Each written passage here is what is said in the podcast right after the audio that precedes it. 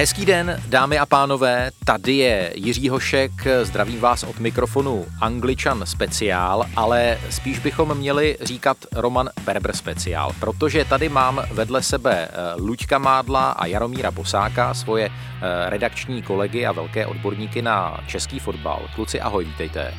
Ahoj. Ahoj, ahoj. My jsme se eh, tady minule v téhle sestavě sešli v okamžiku, kdy uh, policie zadržela Romana Berbra, tehdejšího místopředsedu fotbalové asociace České republiky.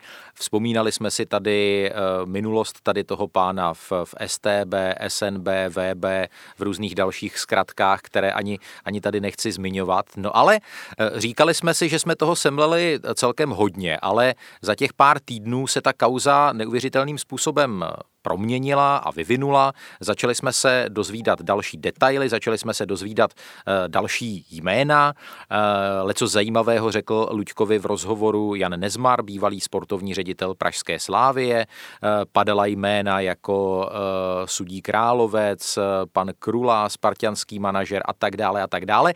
Takže jsme si řekli, že je zase na čase nedávat prostor jenom Luďkovi a jeho detektivním příběhům na pokračování, které samozřejmě můžete hltat psát každý den skoro na webu seznam zpráv, ale že by bylo fajn si to všechno schrnout tak nějak eh, ve zvuku. Luďku, eh, lehké, rychlé srovnání. Eh, kauza Roman Berber 2020 plus dalších kolik? 19 nebo 20? Celkem 20 lidí. 20 lidí. A, a kauza Horník od poslechy Ivánku kamaráde. Rychlé srovnání. Je tam spousta podobného. Eh, jde tam hlavně teda o ovlivňování zápasů za účelem, prostě aby jeden klub vyhrával, tehdy to byla Viktor Kažiškov, teď hlavně Vyšehrad. Je tam podobné i ovlivňování nominací rozhodčích, ale je, je tam rozdíl v tom, že tehdy to tak nějak jako pokoutně dělal, dělal Ivánek uh, Horník s Milánkem Brabcem, mm-hmm. šéfem komise rozhodčích a tak jako po tajmu. No a teď to vlastně úplně natvrdo dělal nejdůležitější muž v celé asociaci, pan Berber, který prostě tam normálně brutálně říkal lidem z komise rozhodčí, kdo, kam mají ty, ty, ty sudí posílat a úplný, úplný peklo teda je, že přímo lidi ze sekretariátu asociace se na tom jako osobně podíleli, předávali obálky a tak dále. A mám, mám správný dojem, Luďku, že i e, policie se v, e, jakoby poučila nebo že odvedla víc práce a víc detailní práce, že má tak říkajíc lidově víc nabito? Ano, jsou tam, e, tam je taky zásadní změna. Celý horník jsou toliko a jenom a pouze odposlechy. Na tom, na tom byla postavená celá kauza. Tady je zjevné, že, že policie vedle odposlechů nasadila i další operativní techniku. Byly tam kamery zjevně v kabině rozhodčích na stadionu Evžena Hrošického při zápasech Vyšehradu a vypadá to, že třeba pan Rogos, sportovní ředitel Slavy Vyšehrad, měl štěnici i v autě umístěnou, takže to vlastně umožnilo další, další jako rozšíření toho záběru a e, myslím si, že je dost zjevné, že to, že to ty pány překvapilo, že tak, něčím takovým samozřejmě nepočítali. Uh, Míro, uh, my když jsme se tady bavili naposledy v, v tom podcastu speciál na téma Roman Berber a jeho zadržení, tak jsme ještě hodně spekulovali. My samozřejmě jsme se už uh, řadu měsíců bavili o tom a bylo to takové veřejné tajemství, že Roman Berber to je opravdu neomezený pán toho českého fotbalového království, byť před tou jeho funkcí je, je ta předpona místo. Ale i ve světle toho, co teď vyplavalo na povrch, jako překvapil tě ten rozměr toho, kdo, kdo všechno byl s ním v takových jako vazalských vztazích a, a, a prostě poklonkoval se mu a šel mu totálně, ale totálně na ruku? Eh, já musím říct, eh, že nepřekvapilo, a to se nechci rád na chytrého, ale přece v tom prostředí se pohybuju 30 let. A je jasný, že eh, Roman Berber tohle by nezvládal sám. On k tomu potřeboval výkonáky, kteří pro něj budou pracovat a zároveň uh, si troufnu říct, že v podstatě mm, takřka ve všech klubech profesionálního fotbalu byl někdo, kdo měl v popisu práce jednání právě s Romanem Berberem, respektive jeho pohunky, protože to tak bylo zavedený. E, docela zajímavě o tom mluvil Jiří Kubíček e, v nedávném rozhovoru e, pro sport, jak věci fungovaly.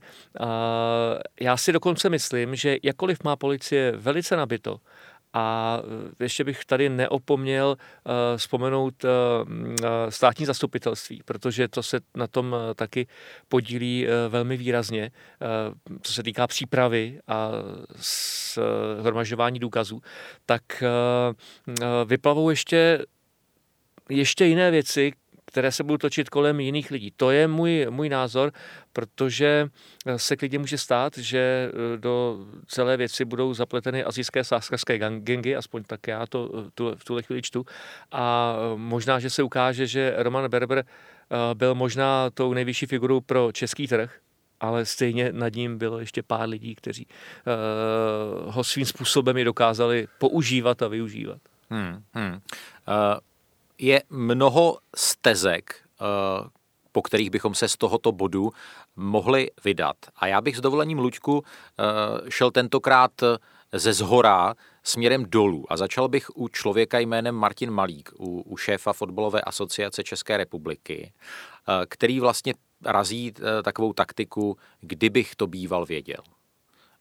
Teď ve světle toho, co my teď víme, co jsme vyčetli z policejního usnesení, má ještě tahle taktika, kdybych býval věděl, jako nějaký účinek, nebo vůbec jako dá, to, dá se to komunikovat ještě tímhle způsobem? Mně už to připadá neudržitelné. Takhle, myslím si, že Martin Malík použil taktiku budu, budu, budu slepý a hluchý, prostě, nebo, nebo to prostě bral jako danou věc, se kterou jako stejně nehne, nebo uh, hypoteticky je možné, že třeba uh, i spolupracoval s policií a dozvíme se to třeba za 20 let, nebo nikdy, ale, ale úplně se to teda tak netváří. Tady je, tady je potřeba si říct, uh, proč se stal pan Malík předsedou fotbalové asociace. Bylo to proto, že se na jeho pozici osobě shodli pánové Berber a Křetinský v zásadě, tak, takže to byl vlastně jejich společný kandidát. Kdyby byl býval, byl chtěl být eh, Roman Berber předsedou asociace, tak, tak by jim byl. Tady, tady měl přeci jenom trošku jako strop v tom, že si uvědomoval, že, že je problémová osoba a že eh, by to hm, komplikovalo jeho vztah k médiím, ke státní správě, ke sponzorům, takže tam potřebovali někoho prostě s lidskou tváří, někoho jako normálního, tak na, na tyhle ty věci tam eh, měli pana Malíka, ale, ale v podstatě Berber si dělal naprosto, co chtěl byl zjevně jako neomezeným pánem. A myslím si, že měl rozhodovací pravomoci. Ovšem důležitá věc ve 13 členem výkonem výboru, i kdyby tam pan Malík jako byl svatý nebo zázrač, myslím si, že jako tam nepodnikal teda žádnou jako dizidentskou činnost, hmm. tak, tak v tom výkonném výboru měl prostě eh, Roman Berber jasnou převahu svých úplně jasných jako spolupracovníků, vazalů, manželky. A to je ten klíčový orgán prostě. A to je, to je, to je ten klíčový orgán, to je fotbalová vláda a prostě co se odhlasovalo tam, tak to platilo. No ale Eh, pan, pan Malík každý den, když šel do práce, tak musel vidět, že tam sedí v té restauraci na Strahově pan Berber s, s lidmi jako Kání, Krogos a spousta dalších. Já jsem tam kolikrát potkal třeba Ivana Horníka nebo vyloženě na Mátkovi, když tam člověk přišel jednou za měsíc, tak tam potkal takovýhle lidi. No, pan Malík by musel být hluchý slepý, kdyby nevěděl o tom, že uh, pan Rogos má špatnou pověst, pan Káník, že byl soudně trestaný a tak dále, tak muselo být jasné, že se tam asi... Uh, ne- neorganizuje partička domina. Přesně tak. No ale prostě to jako nechával být. No, kdyby ty lidi z toho sekretariátu se sebrali a šli si stěžovat panu Malíkovi, třeba pan Vilček, místo předseda komise rozhodčích, že mu pan, že mu pan uh, Berber prostě za prvý tas prostě nadává a za druhý mu prostě dik- diktuje, kdo kde, jak má prostě být nasazený uh, jako, jako rozhodčí to prostě bylo zjevný a všichni na té asociaci to museli vědět, jak to, jak to tam probíhá. No, tak když teď bude pan... no ale on přece Míro, jako, jako nejvyšší šéf, by se o to měl mě, měl zajímat. Mně tohle připadá jako eh, člověk, prostě generál, který velí nějakému úseku fronty a na jeho levém křídle nepřítel prorazí a on, on prostě bude argumentovat, no ale já jsem se soustředil na střed a na, na, na pravou stranu a levou to měl tady na starosti jako eh, plukovník velící tady té střelecké divizi, která přeběhla i, i prostě z vybavení k nepříteli. No člověče, já musím říct, že já bych nechtěl být ve vojsku, kterému by velel generál Malík. Hmm. Jo, to bych se asi nechal rychle penzionovat, ale mm, tady je přece zásadní to a pro mě je to to nejabsurdnější z celé té věci. Dovídáme se, co všechno bylo eh, v organizaci, která se eh, jmenuje Fatscher špatně. Já té organizaci velím. Nesu za ní nějakou odpovědnost. jak politickou, ale taky ekonomickou a řekněme v tuhle chvíli i trestně právní. A já nerezignuju, já neřeknu, že dávám svoji funkci k dispozici a e, jasně, v Čechách je tohle zavedení. Když se podívám na Babiše, podívám se na spoustu dalších lidí, kteří by v politice dávno neměli být, protože pro nás je skandál za skandálem. Mně to připadá naprosto nestydaté. Hroší kůže. Hmm. A my už jsme starý pánové a pamatujeme si, kdy v politice odstupovali lidi za falešný používání titulu, tedy za používání falešného titulu a, a za daleko menší prohřešky. Dneska je to posunutý. Jak tady na začátku mluvil Luděk o tom, co je podobné při kauze Horník a kauze Berber, tak to nejhorší na tom je, že kauza Berger, Berber je upgradeovaná o ne 2-0, ale 4-0. Jo? A ta hroší kůže se vyvinula vlastně e, souběžně s tím upgradem že nám se nic nemůže stát a já v tom pojedu dál, ať se děje, co se děje a proč bych vyvozoval nějakou osobní zodpovědnost. Já si představu, když budu mít firmu uh, o pěti zaměstnancích a ukáže se, že dva z nich uh, kradli a třeba se přiživili na státu, no tak já to musím zavřít a musím jít pryč. Tím spíš, když bych fungoval nějakým státním orgánu. Jo, mě by to prostě nedalo. Ale tyhle lidi, těm je to úplně jedno. A já si ať mě třeba pan Malý žaluje, já si myslím, že dobře věděl, která by je, kdo, co, s kým, proč a za kolik, nebo za kolik možná ne, ale že tyhle věci se dějou. Protože když se to dovídáme my jako novináři, anebo když o tom mluví normální fanoušci fotbalu, který ani třeba nemají přístup k těm informacím, takže by to nevěděl ten člověk, který to má všechno pod sebou, pod prstama, to je Potkává, absurdní. jak říkal Luděk, ty lidi na chodbách a všude kolem sebe. Je, je to absurdní a ještě absurdnější v podstatě e, nárokovat si to, že e, se postavím do čela nějakého očistného, obrodného procesu. To je samozřejmě to nejsměšnější, že teď pan jako Malík vypráví, že to bude jako on bude napravovat ve spolupráci s UEFA. Je tam takový viditelný prvek, teda, že komisi rozhodčích převezme Portugalec, fajn, asi, asi nic proti tomu. Otázka, do jaké míry je to um, nápad UEFA, do jaké míry naše žádost, oni to samozřejmě budou prezentovat, že společně, ale já bych ještě zmínil jeden, jednu zásadní rozlič, rozličnost oproti tomu Horníkovi. Teď součástí toho příběhu o, o panu Berbrovi jsou je nejen ovlivňování zápasu a nějaký postupy Vyšehradu a nejenom sázky, ale je tam prostě i defraudace 850 tisíc korun z pokladny Plzeňského krajského fotbalového svazu, který si prostě pan Berber jako asi zprivatizoval a společně s tou svojí partičkou tam prostě poslal nějaký tři, tři uh, faktury a, a podle policie. Za, za neexistující nějaké semináře. Za neexistující služby. Ale počkej, to je zatím jediná věc, o které víme, co se týká těch defraudací. Přesně Bůh ví, tak. kolik toho tam ještě no. může být. A k tomu se jsem chtěl pokračovat, prostě takovéhle věci. Eh, zrovna tyhle věci měl na starosti pan, eh, pan Malík s finančním ředitelem panem Kabelkou na, na velkým fačru, že jo, tak je otázka, co se, co se tam ještě vyloupne, už tak nějak něco probublává, že se by se tam jako něco mohlo vyloupnout, uvidíme, ale prostě tak i ten případ, oni, oni řeknou, tohle se objevilo v Plzni, tak to provedeme kontrolu krajských fotbalových svazů, jejich účetnictví, taky zatím jsem z toho neslyšel žádný výstup, že by něco takového proběhlo. A, ale co mě přijde jako naprostá nehoráznost, je uh, Berbra zatkli 16. října, obvinili, včera bylo 14. prosince, takový nějaký 15. datum. 15. Točíme prosince. 16. prosince. Tak a výkonný výbor včera rozhodl, že se, že se do té kauzy pokusí teda jako vstoupit jako, jako, poškozený. jako, jako poškozená strana, jako hmm. účastník S plameným řízení. mečem. Ano. Dva měsíce ano. to odkládali prostě a jiný způsob, jak se dostat do toho spisu, aby to mohla začít šetřit etická komise a tak dále, prostě není. To znamená, že to je, z toho je jasně vidět, že ten fačer nemá snahu se do toho spisu dostat, chce to všechno celý odkládat, aby, aby to prostě celý, já nevím, nějak prošumělo, nebo se na to zapomnělo, nebo já nevím prostě, ale to je ten důvod, prostě, když se do toho spisu nedostane, tak prostě těžko uh, oficiálně může třeba pracovat s panem, eh, nebo řešit nějak případ pana Hořejšího, to je ten pán, který měl teda podle policie, podle policie uh, přebírat Třeba. tu obálku, ve které mělo být 100 tisíc asi zhruba korun, který pan Rogosta měl postílat panu Hajkovi za to, že zaříznul živanice. A to prostě, a ten člověk tam sedí dál na tom sekretariátu. Ač oni řeknou prezumce neviny samozřejmě, a, to, ale že, a že k tomu nemají informace, ale toho mě, pan Hoříší teda říká, že tu obálku nepřevzal z toho, co policisté nahráli, to vypadá, že to bylo trošku jinak, ale nechci. Rozohňuje se Luděk Mádl, který spolu s Jaromírem Bosákem tvoří osazenstvo Angličana speciál, ve kterém se bavíme o neuvěřitelných detailech a kontextu kauzy Berber. My u osoby Martina Malíka zůstaneme i za chvilku a podíváme se o něco blíže na už zmiňovaný případ Živanice.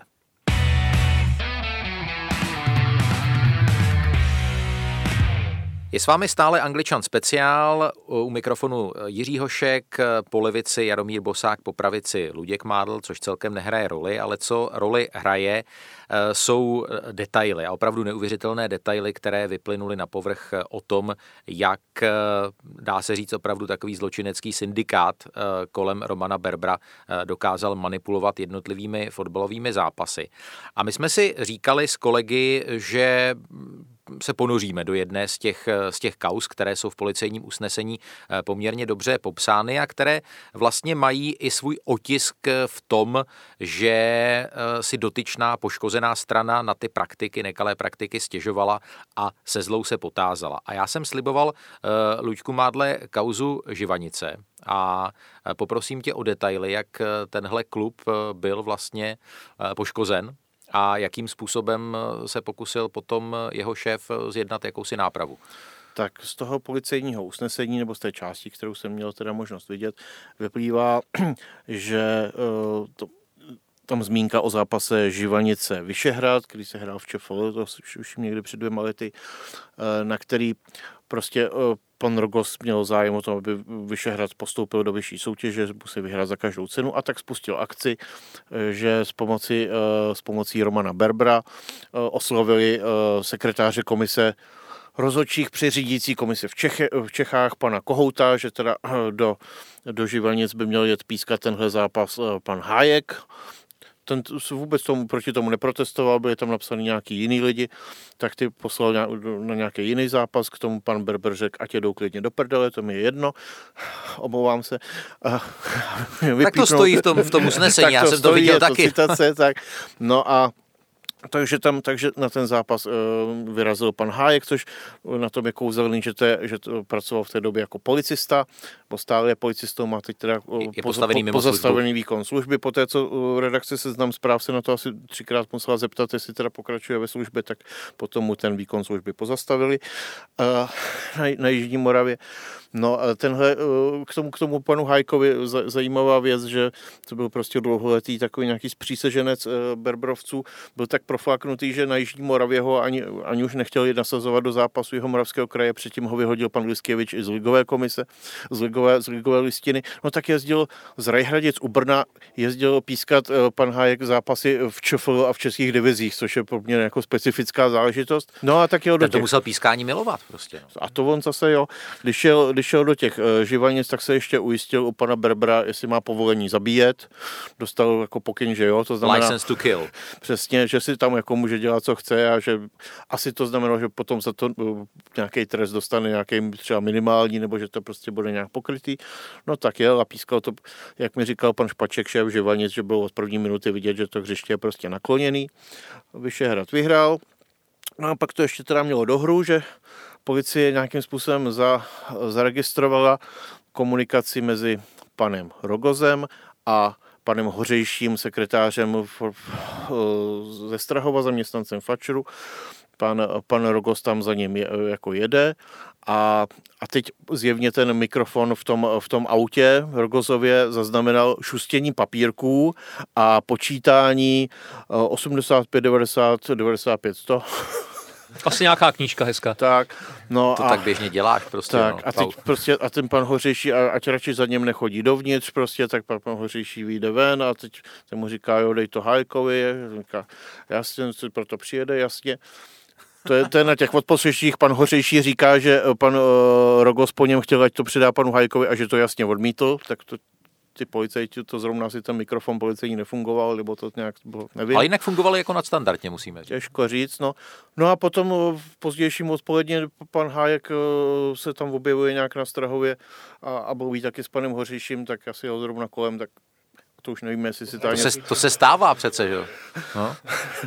no, takže, to, takže jako tváří se to jako ucelený příběh, samozřejmě nemůžeme, nemůžeme může se stát, že prostě obhajoba tam jako najde nějaké neprvky. Důležitá věc, že pan Hoříčí není z ničeho obviněn, žádného trestného činu, to jako zdůraznuju, ale prostě to, anga, to angažování se těch lidí, kteří jsou přímo na tom fačru zaměstnání, prostě to, to, to mě jako až jako skoro bere dech. Uh, Míro, eh, z tvé znalosti eh, vlastně, a znovu zdůrazněme, ne, nebavíme se o, o nejvyšší soutěži, bavíme se v, téhle, v tomhle případě o ČFL, bavíme se o jako třetí nejvyšší soutěži.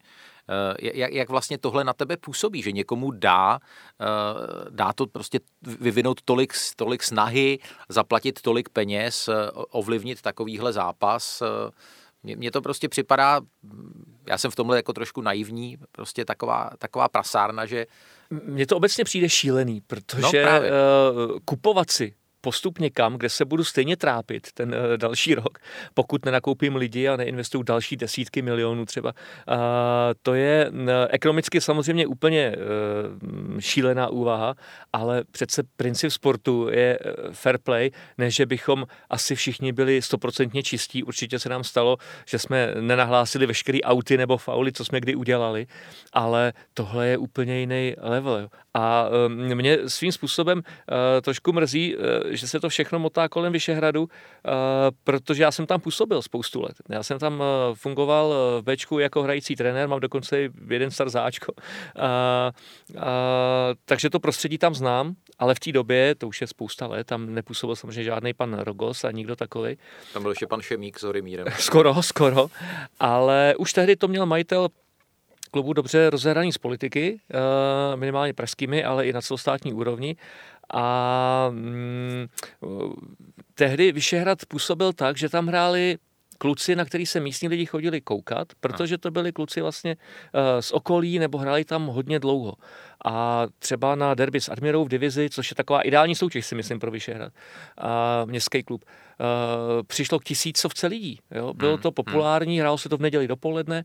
Dneska na Vyšehrad lidi v podstatě nechodějí, kromě rodinných příslušníků, protože eh, z těch eh, místních kluků tam není nikdo. To jsou všechno různě pozbíraní kluci hmm. z hostování eh, nebo starších hráčů odjenut prostě, Jasně. který stojí taky velký peníze. Pouto s tou komunitou 0-0 nic. No a tak najednou, najednou potřebuješ mít ty prachy, abys tam tyhle ty hráče mohl mít. A když se k tomu potom přidá taková ta touha postupovat vejš, ukázat, jaký jsme borci, že budeme hrát tu druhou ligu, a, tak to potom eh, může jít i tímhletím směrem, ale jak já říkám, za mě naprosto nepochopitelný, jestli budeš hrát A třídu, B třídu, okresní přebor, eh, krajský přebor, hraj na to, na co máš a hlavně to hraj proto, aby z toho ty lidi měli radost. A to si myslím, že eh, tohle pravidlo je zmuchlaný, zahozený do koše, zašlapaný někam dva metry pod zem. Nefunguje to. Pro mě je to absurdní, ne, neuchopitelný, nepředstavitelný. To, že se ty věci odehrávají na českém fotbalovém poli, bohužel je pravda. A navíc jo. se to pos, vlastně ten postup vytrhnul ten klub eh, z jeho lokace. Tak, tak, tak, hrál si na Strahově najednou nesmyslně na úplně. A tam už nepřišel vůbec nikdo. Vůbec nikdo a, ale a, to, když se vrátím k meritu té otázky, tak ta třetí liga a, měla pro tyhle ty panáčky, šíbry a, velkou výhodu. Na ní vlastně není vidět. Že? Je trošku I na tu druhou ligu už vidíš, protože se tam vysílají přenosy, točí se reportáže, ale třetí liga Jo, je tam nějaká kamera klubu, kterou, jak když jsme zjistili si jako posledku, dá se, dá, dá se, otočit a dá Jasně. se vypnout. To je mimochodem stejný jako s Horníkem, to tehdy řešil před 20 lety taky. Když něco funguje. že ta kamera prostě, jak je posunutá, aby tam ten offside z toho byl vidět, nebo ne. Oni to tam prostě, pak se divíme v televizi, že to jako teda nevidíme ten offside a teď zjistíme, že prostě jsou ty kamery asi rozmístěny podle toho, aby ty offside vidět nebyly. Ale to, to hlavně je, že na tuhle soutěž fakt není vidět. Hmm. Jo, že se o tom můžeš bavit jako fanoušek, který se na to přijde podívat a každý, kdo hrál fotbal uh, nějaký léta, tak po pěti minutách dokáže odhadnout, jestli to ten rozhodčí vede nějakým směrem ten zápas. To, že udělá chybu, to se stává pro boha živýho. Uh, to uděláme každý. Ale když je to jaksi celozápasová tendence, tak to vypozoruješ, to se, to se nedá.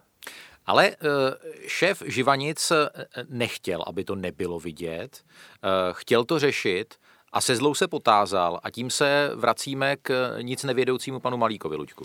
tak eh, živanický šéf pan Špaček eh, vyšel prostě před časem, dal, dal na klubový web takové prohlášení, že prostě ve třetí lize prostě šílená atmosféra, že uh, se zápasy pískají podle toho, kdo platí, prostě takhle úplně otevřeně o tom mluvil. No a ono to tam ještě bylo propojené s tím, že Živanice měli problémy, eh, s tím měli malý počet mládežnických týmů, respektive byl tam spor o tu interpretaci, za to dostali spoustu nějakých pokut a tak dále. Ale, ale když už zůstaneme tedy u toho pískání, no tak když přijel pan eh, Špaček eh, na Fačer, tak jestli jsem to dobře pochopil, tak od, snad od předsedy etické komise pana Pauliho staršího dostal otázku nebo pokyn nebo něco mezi tím, jestli v, tom, v těch mediálních výstupech jako ještě hodlá pokračovat pokračovat, tak on řekl, že jo, načež byl vyloučen z fačru a vyloučení Fatscheru provedl výkonný výbor, ve kterém prostě měli rozhodující slovo pánové Berber a, a Malík.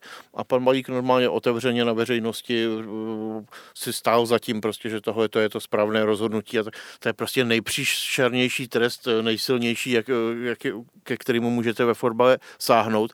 A v podstatě za to, že ten člověk jako si dovolil zdvihnout jako nějaký hlas a poukázat na, jako na nějaký nešvary nebo něco takového, tak oni ho prostě brutálně vyloučili ze svazu, aby zastrašili samozřejmě no všechny další. Prvek odstrašení zafungoval pochopitelně. No. myslím, že, Ludku, jestli se nepletu, že to bylo za znevážení jména uh, dobrého, jména. dobrého jména fotbalové asociace. Tak jak by měly být potrestaný tyhle lidi, jako jsou pánové Malík, uh, Berber a všichni okolo, to si nedovedu představit, jako pranýř někde na rinku, nebo? To slovo, to slovo dobrého, do, dobrého jména for, fotbalu bylo ještě za jeho právě v horníkovských časech, potom ho vyškatli, protože to blbě vypadalo. Ale, ale tenhle, ten, když už jsme teda u pana Malíka, který teď tady bude vypravovat, jak dělá obrodu a spevňuje integritu a tak, tak to je stejný pan Malík, který napsal na eh, polský fotbalový svaz, eh, že si stěžujeme na pana Listkěviče, že, že ošklivě hovořil v médiích tady o panu Berbrovi a, a že to, to teda v žádném případě ne a pan Listkěvič kvůli tomu přišel o nějaký pozici a tak dále dále, tak jestli tenhle ten pan Malík jako tady bude, bude dělat revoluci, tak uh, to, to je výsměch jako samozřejmě a uh, Míra Bosák říká, aby měl odstoupit. Já si myslím, že by měl ta při nejmenším říct, že v příštích volbách nebude kandidovat. Říká uh, Luděk Mádl, který uh, má tu velkou přidanou hodnotu, že si leco pamatuje a to samé platí samozřejmě i pro Jaromíra Bosáka. A my si teď dáme malou pauzičku a potom zaostříme vlastně na ty jednotlivé eh, způsoby, jak eh, se ten gang kolem eh, Romana Berbra snažil na těch případech vydělat. Dobrý den, tady je Lucie Stuchlíková a Václav Dolejší, autoři politické talk show Vlevo dole. Kauzy boj ovliv i šeptanda z kuloáru sněmovny. Politiku vidíme nejen vlevo a dole, ale úplně všude. Každou středu nás najdete na Seznam zprávách, na Spotify, v Apple Podcasts a dalších aplikacích, kde jste zvyklí poslouchat podcasty. Odebírejte vlevo dole, ohodnoťte nás a sdílejte. Děkujeme.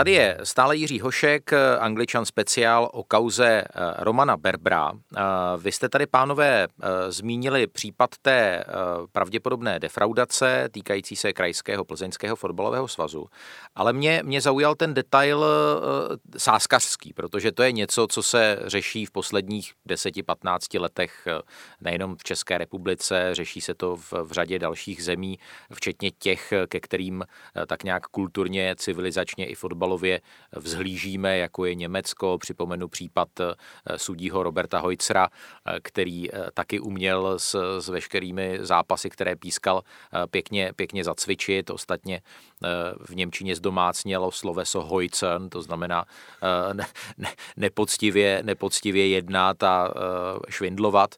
Luďku, jak to bylo se sázkami teď v, v případu tedy obviněných v kauze Berber? Protože ono to nebylo nebylo zdaleka ve všech těch případech eh, dominace sudí a ovlivňování zápasů, ale vlastně eh, o sázkách eh, tam přesto je řeč.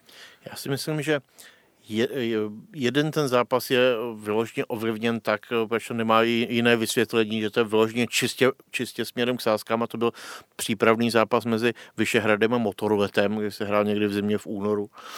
Ale myslím že si, že jsou tam i odkazy, takové náznaky u těch ostatních případů, jak jsme teď mluvili o těch živanicích, tak eh, tam se třeba pan Rogos baví teda se svým kamarádem Káníkem a ten z něj jako vyzvídá, jak to má jako teda ošetřený a, a Rogos mu říká jako, že jenom, jenom klasika, což teda jako znamená, že jenom rozhodčí. A, a to znamená, že tam teda nemá podchycený, uh, aspoň si to tak policie vykládá, že nemá podchycený hráče z týmu soupeře. Mm-hmm. Což by pro sáskaře Káníka, proč víme, že tenhle člověk jako k cinknutým sáskám měl dlouhodobě jako velice blízko. Velice kladný vztah. Tak by bylo jako mnohem jako ještě zajímavější, že by věděl, eh, že by tam, že by to pro ně asi byl signál. Že to je fakt zichrovka. To tam jako roštovat, jo. A uh, když se vrátíme k tomu zápasu s tím motorletem, který skončil nějak 8-3 nebo něco takového, tak to, si, eh, tak to policie taky podchytila. Tam je taky od začátku prostě eh, snaha dostat tam svýho rozhodčího, tentokrát pana Gríma, pan, pan Rogos vás pár, pár dní nebo týdnů před zápasem eh, sekretáři komise rozhodčích panu Filipkovi, že chce, aby, aby mu tenhle ten jak pískal pan Grim.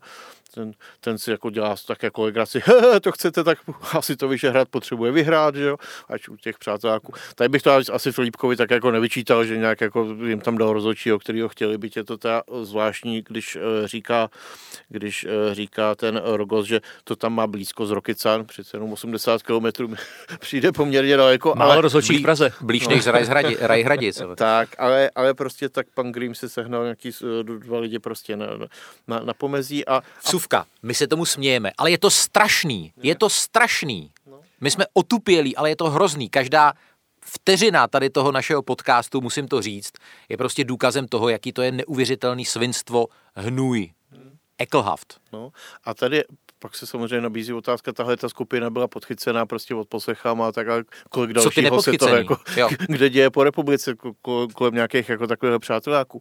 No a oni se pak scházejí, uh, uh, myslím, ten Káník uh, s, těm, s těmi rozhodčími na benzínce někde u kongresového centra, no a tam jim dává pokyny, že mezi 60. a 95. že to má skončit 4-2 nebo 5-3, že to jim ještě upřesní v páté minutě zápasu podle toho, jak to bude vypsaný. Ne, ale to je už přece absurdita eh, toho samotného, že přípravný zápas Vyšehrad Motorlet je někde v nabídce sáskových kanceláří. Pro mě absurdní. Eh, stejně tak jako sázka na první roh v tom či onom utkání, na první faul, na první žlutou. Z mého pohledu tohle by fakt vůbec nemělo existovat, protože to je tak lehonce ovlivnitelný, že já neznám moc jednodušších úkolů. Fakt ne. A nechal bych sázky na výsledky, a tím by, to, tím by to pro mě končilo. Protože všechny tyhle doprovodné sázky jsou jenom motivací pro to nějak ty věci zařídit, protože to je to tak strašně jednoduchý. A jak eh, si naznačil, takových skupin, eh, které tyhle ty zápasy v uvozovkách zařizují, může být po republice celá řada. A eh, samozřejmě nepůjde zase o zápasy první nebo druhé ligy půjde o dorosteneckou ligu, což bývalo velmi běžný. Že? Juniorská, Juniorská liga, uh, přípravní zápasy, uh, pojede se hrát někam, teď plácnu na Maltu a tam se to třeba dá nějak zase vyřešit, uh, protože tam opravdu nebude vidět uh, z České republiky. A uh, můžou to mít pod palcem už mnou zmíněný velký sáskarský gengy, pro který je to obrovský miliardový biznis. Uh, protože uh, tady by to asi bylo podezřelý, kdyby si přišel uh, na zápas vyšerat motorlet vsadit a měl si uh, v ruce 50 tisíc. Jasně. Ale někde ve Větnamu? No jasně. To je každému úplně šumák. Hmm. Jo, takže tam se točí obrovský, obrovský uh, prostředky. A uh, myslím si, že tady by měli, ale obávám se, že to je jenom mít zbožní přání a nic se dít nebude, uh, vstoupit do hry právě i sáskový kanceláře a začít na tohleto téma taky trošičku uh, pracovat a trošku no. se vlastně já nechci, aby to znělo úplně, úplně pejorativně, ale trošičku se tak eh, vyvinit tady z toho. Hmm. Protože když tahle nabídka nebude, tak to bude strašně těžký nějak ty zápasy na profesionální úrovni ovlivňovat. No já totiž vím, a, a netýká se to samozřejmě zdaleka, eh, zdaleka jen fotbalu, protože i v tenise můžeš sázet eh, v podstatě nejenom na celkový výsledek, ale na to, kdo vyhraje prvních pět bodů nebo prvních deset bodů, kdo, kdo dá jako první tři dvojchyby a, a, a podobné záležitosti. Eh, že, že to v podstatě dotyční sportovci, kteří přemýšlejí o tom, že se jakoby nechají zmanipulovat, že si řeknou, no ale já jako celkově jsem hrál na vítězství, ale tady jako to, to vhazování a ten, ten, ten, ten rohový kop, to jsem vlastně jako by pustil, ale teď jsem vlastně jako nenarušil integritu té hry. Jo, dvě třetiny jsme hráli podle domluveného výsledku, ale vlastně se jim se stalo, protože snažit. poslední třetinu jsme hráli na férovku. Jasně. Jako kde to jsme? Ručku, ty jsi chtěl něco, něco dodat? No, tady je, uh, tam to je, ty sázky jsou, jsou vůbec jako samostatný velký téma. Uh, řeknu, jak ten sportovec jednou se nechá ukecat, jednou do toho vleze, tak už je pak vydíratelný a jede v no, tom dál. Uh, důležitá věc, uh, tyhle kde se teda jako u toho, na, na tyhle ty věci sází. Jo? Tady eh, český sázkovky, Fortuna, Typ Sporta, tak říkají prostě, že vlastně tuhle zkušenost jako nemají, že eh, já jim věřím teda jenom částečně se přiznám. Ty jsi zmiňoval toho Roberta Hojcera. Hmm. To se spustilo tenkrát na základě toho, že prostě evropský sázkovky si všimli, že někdo okrádá na veliko, tak vlastně oslovili Europol a spustila se nějaká akce. Tady se teda předpokládá, nebo dlouhodobě se hovoří o tom, že tyhle ten, ten ty objemy peněz se sázejí u nějakých teda azijských sázkových kanceláří, kde ani není povinná registrace, je obtížně dohledatelný, kdo tam ty peníze dal. Já se třeba můžu domnívat nebo teorizovat, že tyhle ty tyhle ty sázkařské weby jsou v podstatě obrovský pračky na špinavé peníze, jo, že vlastně se tam i počítá s tím, že se, že se tam ty prachy jako protočí a vlastně to může někomu, kdo má, já nevím, příjmy z drog nebo já nevím z čeho, tak prostě do toho ty peníze vloží a vyleze mu jako tiket, na, na který má ty peníze čistý, že jo? takže si myslím, že tohle může být důvod, proč se, proč se s tím takhle pracuje. Tam je důležitý, když se vrátíme k té naší kauze aféře, že tam jako přímo o těch sázkách, kdo, kdo, kdo kde něco vsadí, jako není žádná zmínka, ale je tam zaregistrovaná komunikace o nějakém panu Spahičovi, mluví, mluví tam o něm Káník s Rogozem, že přijede, že přijede pan Spahič, přiveze to, hmm. Teď můžeme spekulovat, jestli to je kufr peněz eh, pro, pro někoho, kdo ten zápas teda zmanipuluje. Nebo rakie. Nebo rakie něco.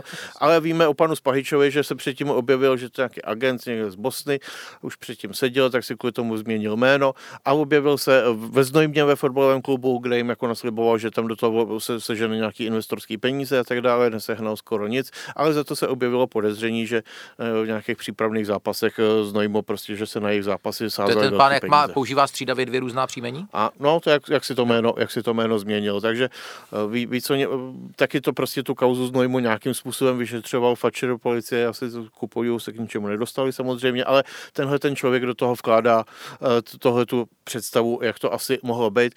A ještě jedna důležitá věc je třeba říct, pokud se v tom zápase eh, mělo hrát mezi, mezi 60. Eh, a 90. minutou eh, přesné skóre 4-2, které se tam tak jako shodou okolností odehrálo, tak to nezařídějí rozhočí, nebo jenom rozhočí. Jo.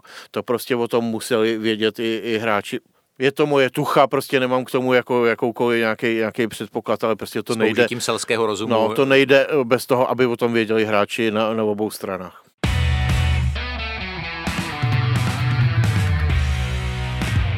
Jaromír Bosák, který se eh, celý život jmenuje Jaromír Bosák, nevím o tom, že by používal nějaká jiná příjmení, tak eh, eh, určitě musel zbystřit pozornost v okamžiku, kdy se v těch policejních spisech objevily zápasy, které nebyly ze třetí ligy, které nikdo neviděl, ale které byly třeba z baráže o udržení v nejvyšší soutěži, třeba ta slavná nebo neslavná baráž mezi, mezi Příbramí a Brnem. A to jsou takové zápasy, které se nehrály před pár týdny, ale přesto si je člověk jako dost zřetelně pamatuje, protože když se na ně koukal, ať už z hlediště nebo u televizní obrazovky, tak ten zápas člověku připadal prostě zvláštní. A my teď můžeme už směle vydedukovat, že, že ten zápas opravdu byl zvláštní, ne úplně náhodou a nějakou zázračnou schodou okolností. Máš vlastně jakoby radost, že se, že se to, co jsme si tak jako tehdy říkali, teď, teď potvrzuje, nebo spíš si z toho smutný? Co, co, co vlastně se ti honí hlavou, když to teď vidíš černé na bílém? Pro mě je to směs pocitu, protože já miluju fotbal a vadí mi, obrovsky mi vadí to, co se s ním děje. Ten fotbal za to primárně nemůže, to je krásná hra, je to problém lidí, kteří se kolem něj motají. A samozřejmě e, fotbal taky generuje velké peníze a to láká určitou sortu lidí. A když e, půjdu konkrétně k tomu zápasu e, Brno-Příbram, tak já jsem ho komentoval. A když jsme jeli autem zpátky... Myslíš ten první zápas, nebo ten tuto odvetu? Uh, já mám pocit, že jestli jsme nedělal oba, ale teď jo. už jako ta moje paměť je trošku, uh, už trošku slabší, ale Uh, myslím, že ten brněnský jsem dělal. Ale uh, to jedeš zpátky autem a víš, že to bylo špatně. Ale ty teď sedíš za tím mikrofonem a ty teď nemůžeš říkat uh, to, co si myslíš. Eh, ty nemůžeš říct, eh, soudce je podplacený, nebo tady někdo něco nechal, nějaký peníze, aby se to eh, hrálo tak, jak se to hraje, aby to skončilo tak, jak si někdo přeje. Protože proto nemáš důkazy. Když to já do toho mikrofonu řeknu během přímého přenosu, no tak když to trošku přeženu, tak odejdu z komentátorské pozice a tam na mě bude čekat policejní auto, dostanu háky páky a vezou mě, protože jsem obviněný z nadstí utrhání a z křivého obvinění. A protože proto nemám Což je žádný ten lepší důkaz. případ toho, kdo by na tebe mohl čekat taky v tom případě. To je pravda. Taky by to mohlo skončit o trošku hůř, ale... Prolík je hluboký. tak bych se musel přeměnovat potom právě třeba. Ale mm, jde o to, že... A nám to i vlastně lidi vyčítají. Proč neřeknete, jak to je? Kdy to všichni vědí. Hmm? No jak to můžu říct, když proto nemám důkaz? Já nejsem speciální policejní jednotka, která dva roky může sbírat materiál a pak s tím půjde ven a pak máš nabito. Ale říct něco ve smyslu, já jsem slyšel nebo jedna paní povídala a je to tak a je to tak, tak v tu chvilku uh, vlastně i profesně končíš. Hmm. Jo, hmm. protože to si prostě nemůžeš no, dovolit, pokud nemáš v ruce žádný důkaz. Ale ty můžeš říkat, uh, a myslím, že jsme to i v těch zápasech docela oprali, že rozhodčí fakt podává mizerný výkon, uh, že otočil nějaký rozhodnutí, ale nemůžeš říct, že to je proto, že mu někdo něco dal protože to nevíš. Ne, já, já, já si fakt krystalicky pamatuju, snad dokonce já jako často si nepamatuju, co jsem předevčírem večeřel, ale, ale úplně si pamatuju, jak jsem seděl před tou televizí úplně přesně vím, jak jsem měl takhle jako eh, to opěradlo židle mezi nohama a jak se to Brno jako snažilo v té příbrami jako tlačit do útoku a, a v podstatě byl pro něj obrovský problém přejít půlící čáru. No ke konci jako, se jako... přes něj nedostali přes tu půlící line už. To už nešlo. Já jsem měl pocit, že, že normálně tam platí nějaká jiná gravitace nebo že, že opravdu se změnily fyzikální zákony. Karanténa a, dneska. No, uh, ale abychom fakt nemluvili v náznacích, Lučku, co, co na tohle téma a téhle, téhle konkrétní baráže uh, říká, říká policejní usnesení? Tak eh, v tom policejním usnesení je to zmíněno vlastně okrajově v takovém bloku, ve kterém policisté popisují vliv pana Perbra na práci rozhodčích eh, a i směrem teda jako k nejvyšší soutěži a e, vlastně jsou tam popsané momenty, kdy e, nadává šéf místo předsedovi komise rozhodčích panu Vilčekovi za to, že se jako někde vyjádřil, je to nějak jako komentoval, tak za to dostane strašnou, strašnou jako ťavku, že se, se má nejdřív jako s panem Berberem poradit, jak to, jak to má vypadat. A, a potom je tam teda uh, komunikace s panem rozhodčím Ardeliánem, kde je, teda v, je to až po zápase, jo, takže ne, nemáme žádné doklady o tom, jestli teda pan Berber nějak, nebo někdo pana Ardeliana instruoval před utkáním. Je to až takový post, kdy je v podstatě teda jako pochválený, že mu jako pan Berber vzkazuje, že, že Jarda Starka je spokojený a tak dále. A, a má, ono to potom třeba má i takovou dohru, že sice teda byl kolem toho takový vítr, že Ardelianu dostal z kraje příští sezóny, nesměl pískat prvoligové zápasy, ještě tam udělali teda takový for, že ho na první utkání poslali do Líšně, což jako je v Brně a jak se říct to Brno, tak když si to pak někdo uvědomil, tak, to, tak tu nominaci potom měnili.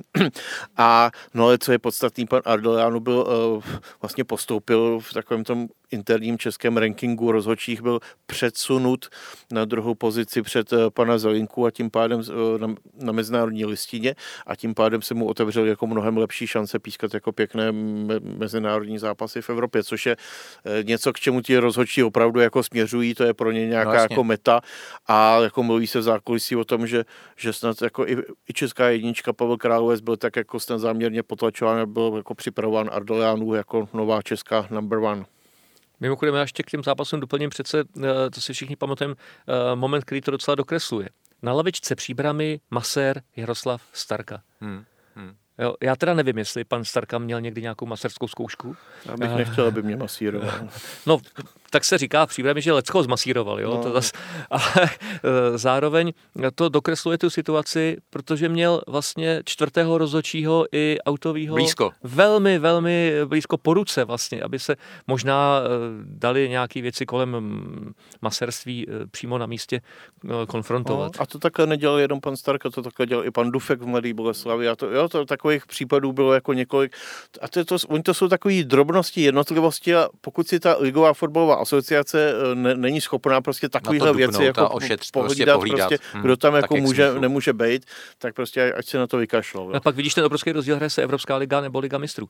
A to je jiný svět. I co se týká té tý organizace, kdo co může, kdo kam může, kdy kam kdo může.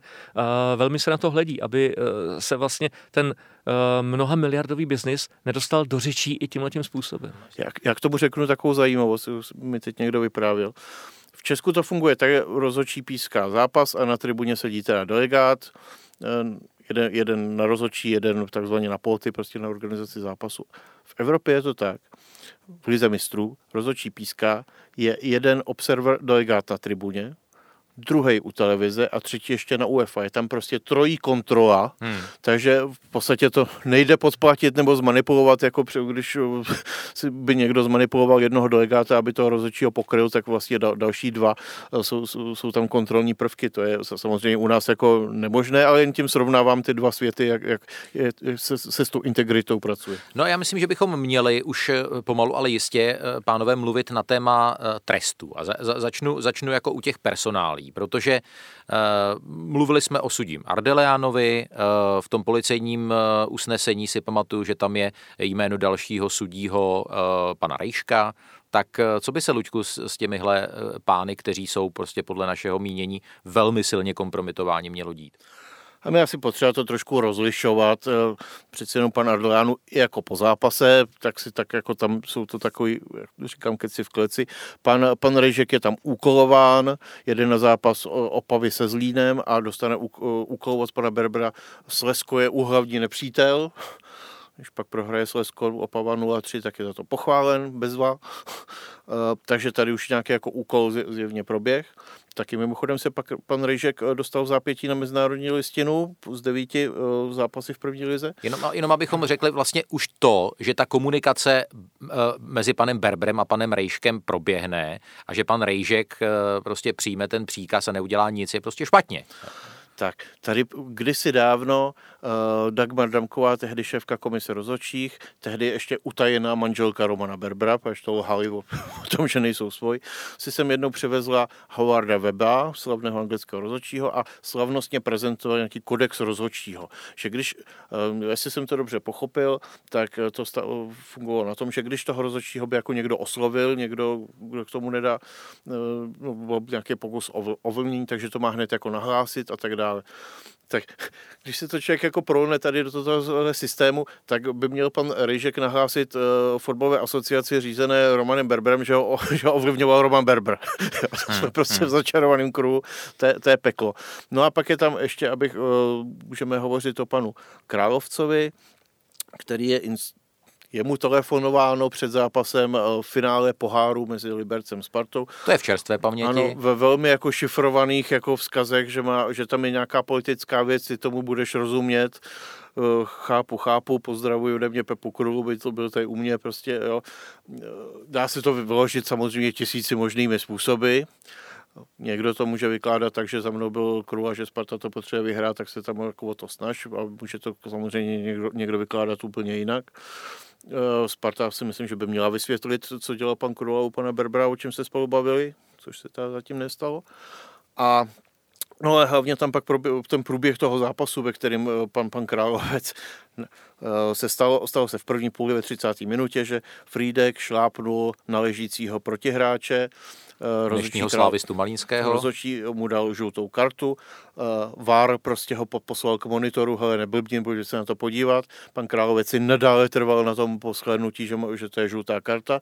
Pak teda komise rozhodčí řekla, měla být červená karta a pan Královec najednou přišel na to, že se vlastně splet, že to měla být červená karta. Jo. Tak vlastně to uznal potom jako nakonec. Tak když si to zasadíme tady do toho kontextu a vyprávění o nějakých suchých záchodech, tak hmm. um, od pana Berbra tak to asi vypadá jako vel, velmi zvláštně. Takže teď je situace taková, eh, pan Malík po té, co tyhle ty věci nějaký vyplynuly ven, tak pan Malík řekl někdo do televizních kamer, že, že um, lidé, kteří nasazují rozhodčí k zápasům, ne, nebudou prostě pana Královce do konce tady toho roku nasazovat to, to, lidé si to interpretují jako trest a to, a to není prostě. Jo. To vlastně to ještě nebylo nějak ani prošetřeno. Uh, pan, pana Královce se na to ještě nikdo neptal, ani policie, ani nikdo na fačru. Prostě jenom si řekli, tak teď to je blbý, tak ho radši nebudeme nasazovat. Potichu. Není nasazován ani třeba pan Vilček, který měl jet dělat delegáta na zápas Slovácko-Sparta, najednou byl jako přemalovaný. Prostě ty, ty lidi se tak jako zlehka vytrácejí. No to je přesně, jak to funguje. Tak, no a teď by teda nějaká, si, si měla sednout nějaká komise a měla by se asi ty lidi předvolat a měla by všech, co, co jsme je jmenovali, třeba i pana Tvrdíka, zeptat se ho, proč teda volal panu Berbrovi. Jenom jednou. Jenom jednou samozřejmě, všeho všudy. To, jasně, to, jasně. Uh, měla by si předvolat pana Nezmara, zeptat se ho, co to je teda oranžová, červená, zelená. Jasně. A, a to se prostě jako vůbec jako neděje. Tady jako furt jako říkáme teda, že uh, si, si počkáme, až se teda Fatscher dostane do spisu spisu, byť teda už, už teda včera po dvou měsících jako si odhlasovali, že požádají o ten statut toho poškozeného, tak to potom tam můžou pustit, nemusí, ale uh, i ta, ta etická komise zatím spustila formálně disciplinární řízení uh, s těmi lidmi, kteří jsou obviněni a jsou zároveň členy fotbalové asociace ČR a v zápětí tato disciplinární šetření přerušila do momentu, než se dostanu k materiálům. Uh, už jsme zase o, trošičku utekli. Já bych se ještě rád, Míro, vrátil k tomu samotnému zápasu. Jaký, jaký vlastně ty si z něj měl eh, bezprostřední pocit?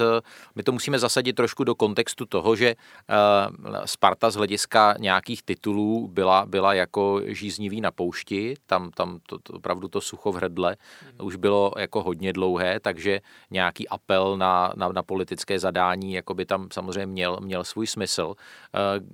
Když, když jako se podíváme díváme na ten zápas optikou hlavního rozhodčího a nejenom tedy téhle klíčové situace kolem, kolem červené karty pro hráče Frýdka, která prostě byla evidentní i při prvním, druhém, třetím, 57. pohledu. Tak, tak jaký byl tvůj pohled na ten zápas? No, já nějak tyhle zápasy přitahuju, protože jsem to zase komentoval a vím, že jsme Pavla Královce seřezali, eh, protože to bylo všechno tak špatně, ale tak špatně a nešlo jenom o ten jeden zákrok. Tam těch kontroverzních rozhodnutí bylo daleko víc. Jo. A, a koukáš na to z toho komentátorského stanoviště a vidíš uh, hrubý chyby. Vidíš je ty, takže vidí i diváci, vidí je hráči a po zápase se ti hlavní aktéři tváří, že se nic neděje. No to je jenom další doklad toho, jak to prostě fungovalo. Jo? A je to velmi špatně pro renomé celého českého fotbalu a já si troufnu říct, že takový zápas může poškodit eh, produkt jako takový na několik let, jo, protože se o tom pořád bude mluvit a ukáže se, jak bylo třeba i finále Českého poháru a teď nevím, jestli to tak bylo, ale jak ho bylo možné zmanipulovat. Třeba ano, třeba ne, to se dokáže teprve, to se uh, bude řešit u soudu, možná. Uh, ale uh, já tam vidím ten obrovský problém v tom, uh, že když koukáš na špičku, co se týká hráčů, tak podle nich se orientují uh, malí kluci, kteří se učí hrát fotbal no, a chtějí být jako ty velký. To samé je u těch rozhodčích. Ty 18 letý, 19 letý, který začínají s pískáním, teď běží velká akce, pojďte pískat, protože rozhodčích málo, tak ty samozřejmě mají nějaký vzory. Koukají, jak se to dělá v lize. No to je to nejhorší, co se vlastně děje, protože se ukazuje, že ta deformace je normální. Jo? Že nějaký zařizování, pomáhání, že to je vlastně zařezávání. norma. Jo, zařezávání. Jo, jo. Hmm. A, a to, je, to je to, co uh, bude škodit ještě několik let, jo, protože ty kluci už jsou to vychovávaný, protože, co si budeme povídat, i když chce rozhodčí z toho okresního přeboru do krajského přeboru a pak do divize, tak on ho někdo musí hodnotit, nějaký delegát, musí ho někdo někam vytáhnout. A, hmm. a zase to musíš být uh, buď extrémně dobrý, anebo hodnej, v tom smyslu, že uděláš, co se po tobě chce. Jo, a Děje se to na té sféře uh, zápasu, kam opravdu, kromě okresních novin, není vidět. Tam nikdo jiný není. Tady Luděk ještě, Mádl? je ještě jeden zajímavý aspekt, že ty, i ti liberčtí se potom po hárovém finále tak jako zlobili, ale ne jako nepustili Ne to na, naplno. No. Tam jako něco, jako nějaké, nějaký náznaky a tak dále.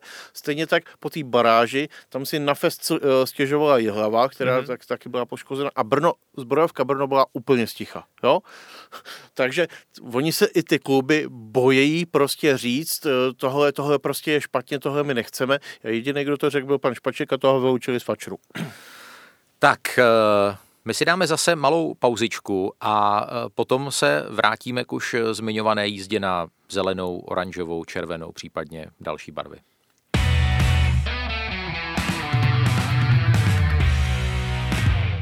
Tady je Angličan speciál, fotbalový podcast Seznam zpráv, u kterého by se v Anglii nejspíš hodně divili, co je několik set kilometrů směrem na východ v nejpopulárnějším sportu lidstva vůbec možné. Zmínil tady Luděk Mádl Jana Nezmara, bývalého sportovního ředitele eh, Pražské slávie, který se v podstatě ještě předtím, než eh, ta poslední várka hnusu vyplavala na povrch, přiznal eh, ke kontaktům s Romanem Berbrem, které on sám považoval za neúplně správné.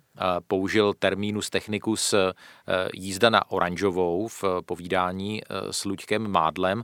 A ona i ta jízda na oranžovou samozřejmě se dá vykládat tak, že nemusíš zrovna chtít manipulovat se zápasy a ovlivňovat delegaci sudích, ale v podstatě máš strach, že ten zápas, ve kterém tvůj tým figuruje, že by mohl nějakým způsobem mít nakloněnou rovinu a chceš se vlastně ujistit, ať už dotazem, nebo vlastně už tím, že, že zavoláš a a vyvíš v podstatě určitý tlak. Tak Jan Nezmar tomu Jaromíre říká jako jízda na oranžovou a my vzhledem k tomu, co teď víme o panu Berbrovi, tak bychom to možná jako mohli hodnotit i o něco přízněji.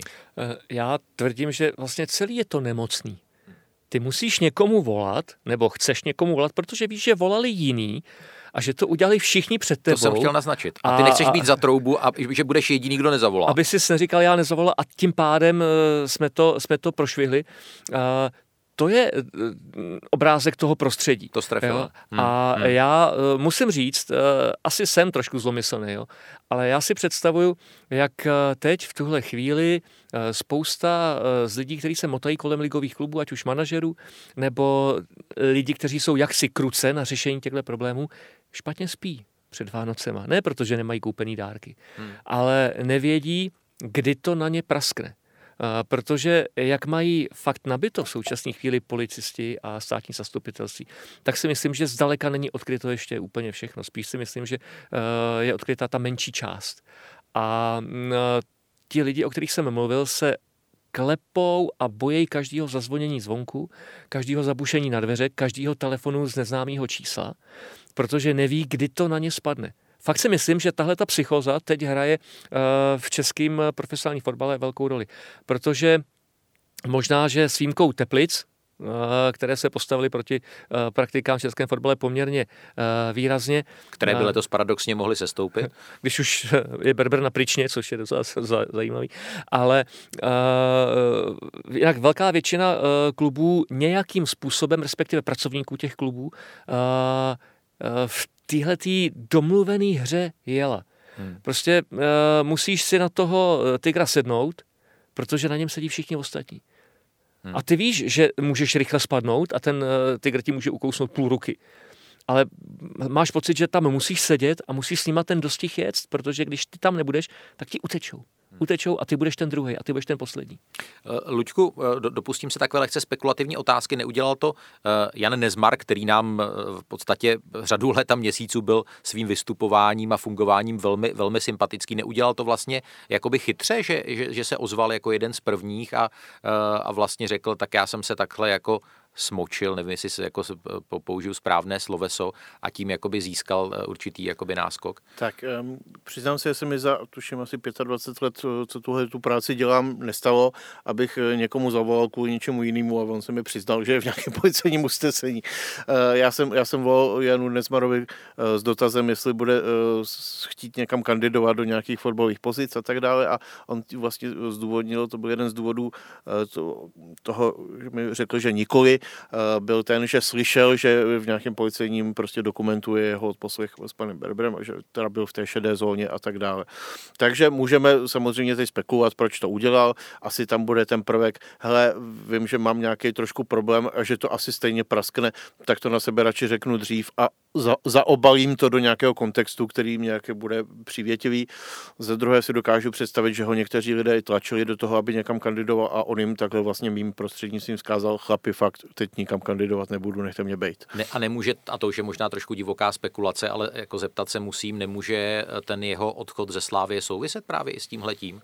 Tam ten výklad, se, nebo Uh, můžeme nad tím spekulovat, samozřejmě ty uh, důvody byly tehdy řek, řečeny jiné. Uh, on pan Tvrdík dlouhodobě vyprávěl, že média lžou a vymýšlejí si, že, že pan Nezmar chce odejít a on potom samozřejmě odešel i, i, krátce předtím ještě vlastně, než, než se to stalo, tak se to samozřejmě snažil pan Tvrdík tak jako bagatelizovat a posouvat do někam do nějaké jiné roviny. Takže o tom bychom fakt jako mohli jenom spekulovat. Já bych navázal na míru. Eh, asi můžeme taky jenom přemýšlet o tom, asi ne všechny kluby prostě tam rvali peníze zápas co zápas. Dokážu si představit, že některé, některé kluby to takhle jako dělali, že ovlivňovali v podstatě všechno.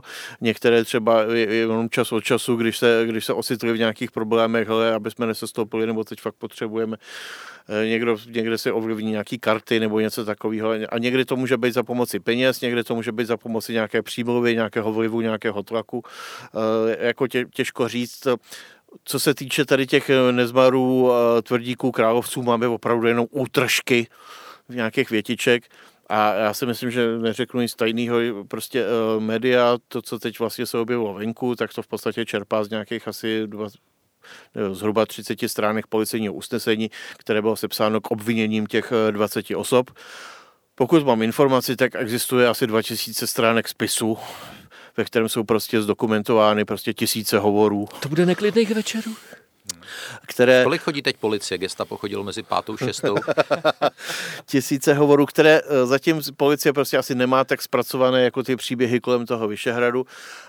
Mluví se i o tom, že ten člověk, který může tyhle ty příběhy pospojovat, dovysvětlit, je samozřejmě Roman Berber, že na něj samozřejmě je nějakým způsobem vyvíjen nátlak, aby, nebo možná není to správný slovo, policie po něm samozřejmě chce, aby nějaké věci jako vysvětlil. Hmm. Zase on by potom šel třeba z vězení dřív než 4 a 70 letý. Že? No, pan hmm. Berber zatím... Spočítal jsi to? No tak odhadem. No, je mu 67 let a no. hrozí Jemu je už 67. Hmm. No, já si myslím, že jo. Fakt. Já myslím, že 66, ale nejsem si, nejsem si jistý, jak to bude, no. no. Ale tak rozhodně asi tam nechce strávit jako... Podzim uh, života. No, tam podle stávající právní klasifikace to vychází na maximum až 6 let a 8 měsíců.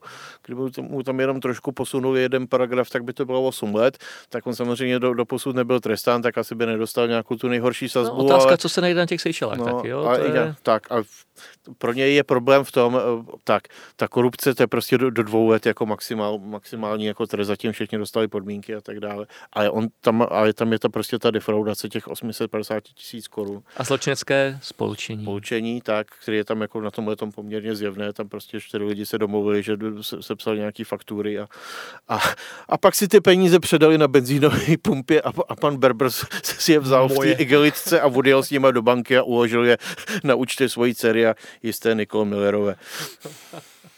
Oh, já jsem teď tak v šoku, že teď jsem úplně zapomněl vše, všechny další uh, otázky, ale, ale chci se ještě vrátit k tomu uh, mlčení jehňátek, jak, jak, jak to nazval svůj film režisér Jonathan Demme.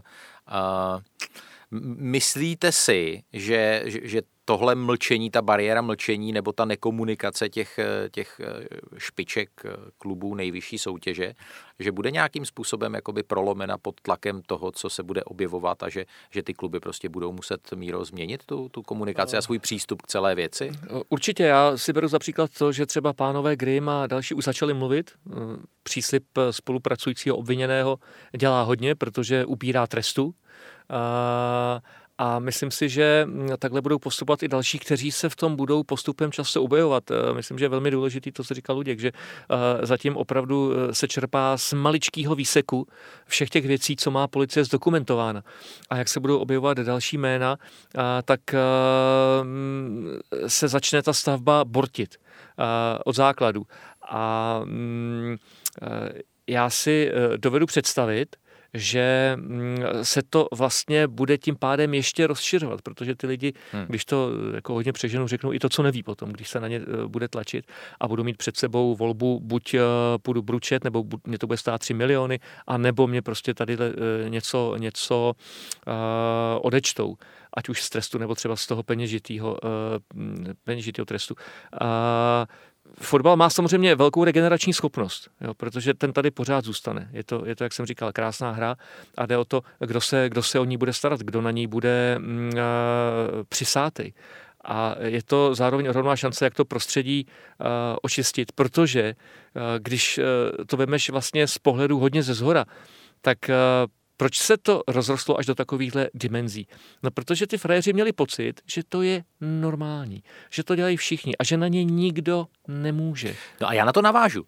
Já si myslím, že tam součást té úvahy byla i ta, že vlastně ten status quo, jak, jak, jakkoliv se jedná o strašný humus a hnůj a můžeme to nazvat jakkoliv, tak ono to svým způsobem velké části těch, těch prvoligistů jakoby eh, vyhovovalo v tom smyslu, že měli jakoby, jakoby strach z té změny. Mně to, to trošičku připadá jako, jako anglická společnost, která měla šílený strach z laboristy Jeremyho Corbina, který chtěl rozstřelit ten elitářský systém, toto, to, jak se narodíš s tou stříbrnou lžičkou a jak máš narýsovaný ten život jako Eton, Harrow, eh, Cambridge, Oxford. Všichni na to nadávají, ale všichni se bojí eh, udělat jako ten radikální řez, prostě propíchnout ten vřet eh, a prostě ten hnis vydlabat jako lžičkou celý ven. No ještě je to podle mě spojený se strachem z absolutně volné soutěže, která je nepredikovatelná. Jasně. Ono se vždycky může stát cokoliv. Ta nevypočitatelnost. tady máš pořád nějaký záchranný man, uh, možnosti, Jasně. kam sáhnout, kam zavolat, co udělat, když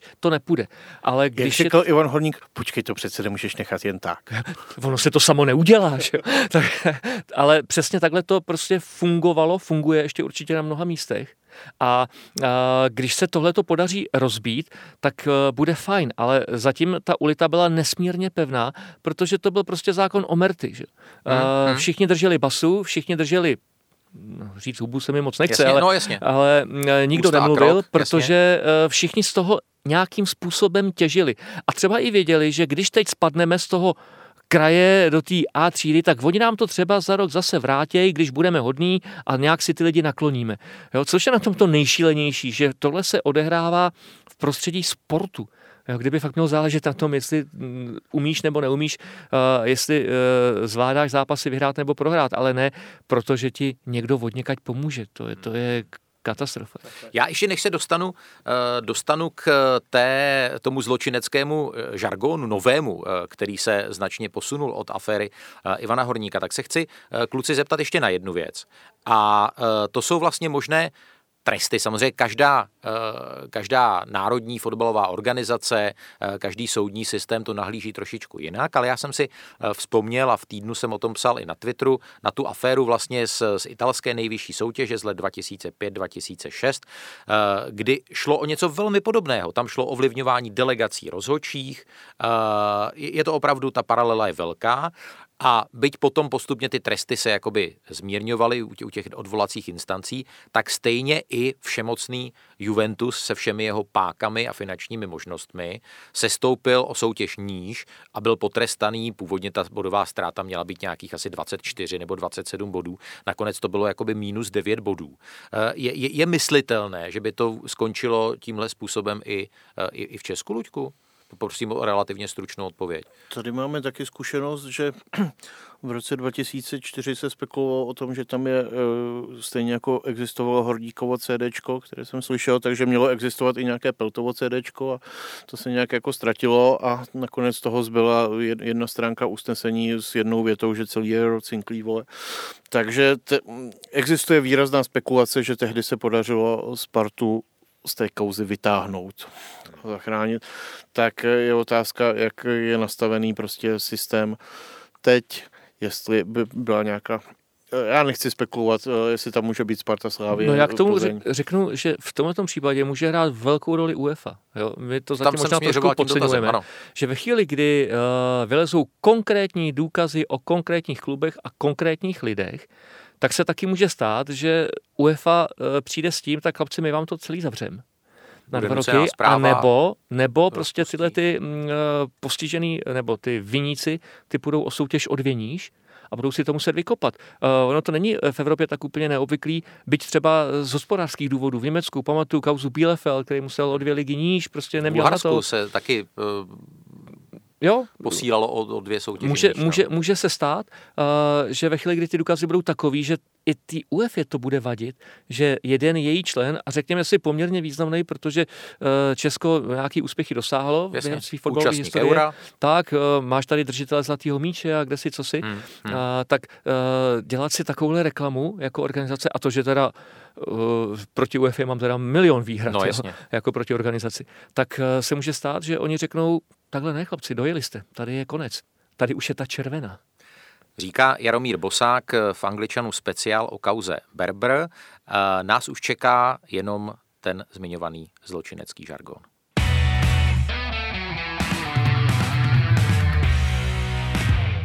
Luďku, kamaráde, můžeš mluvit? Já jsem to viděl večerka, kdybych to viděl ráno.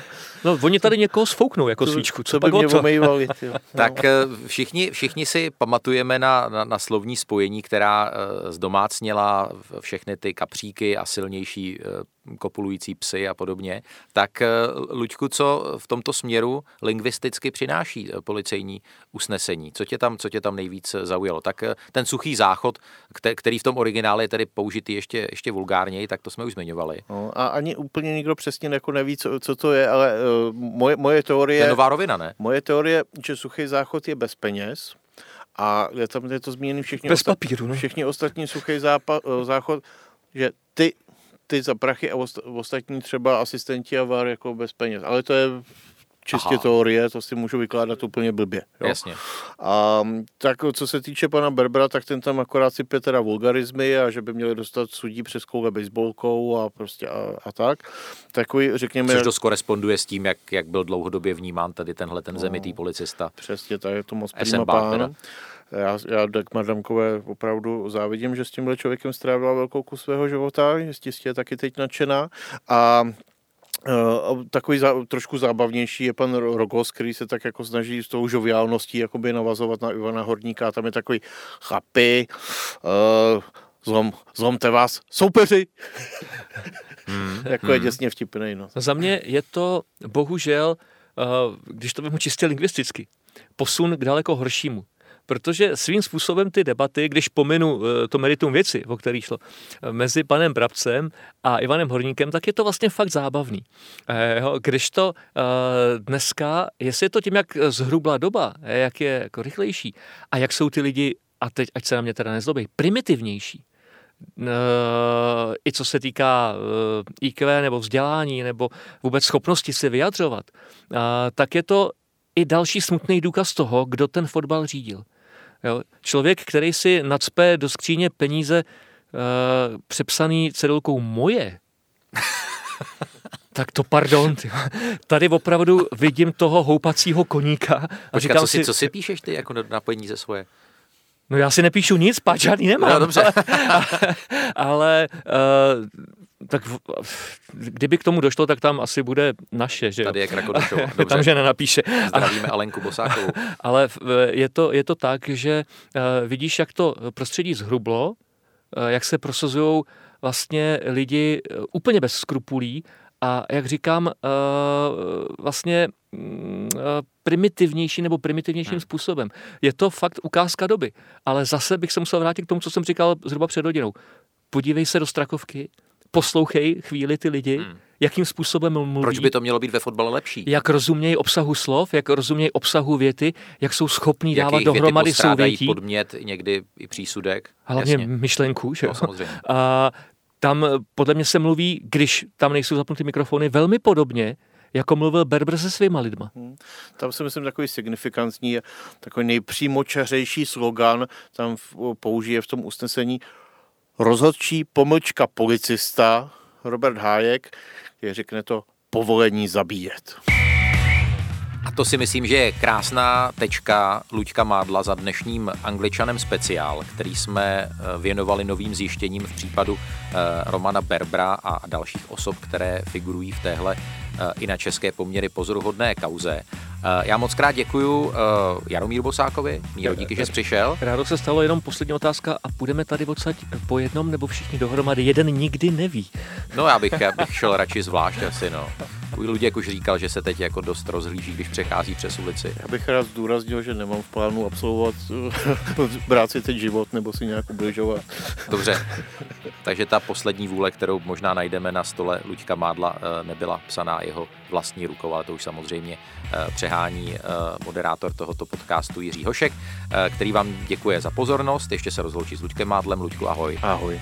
Pokračuji ve své skvělé práci a já vás chci určitě nalákat na další podcasty, které vznikají v Seznam zprávách a určitě chci připomenout, že ten klasický angličan, to znamená koncentrovaný na Premier League, tak nespí ani o vánočních svátcích. Každé úterý vám budeme přinášet nový díl a nejblíž se můžete těšit na vánoční speciál, který bude plný dobré nálady, kvízu a té anglické vánoční fotbalové atmosféry. Mějte se fajn.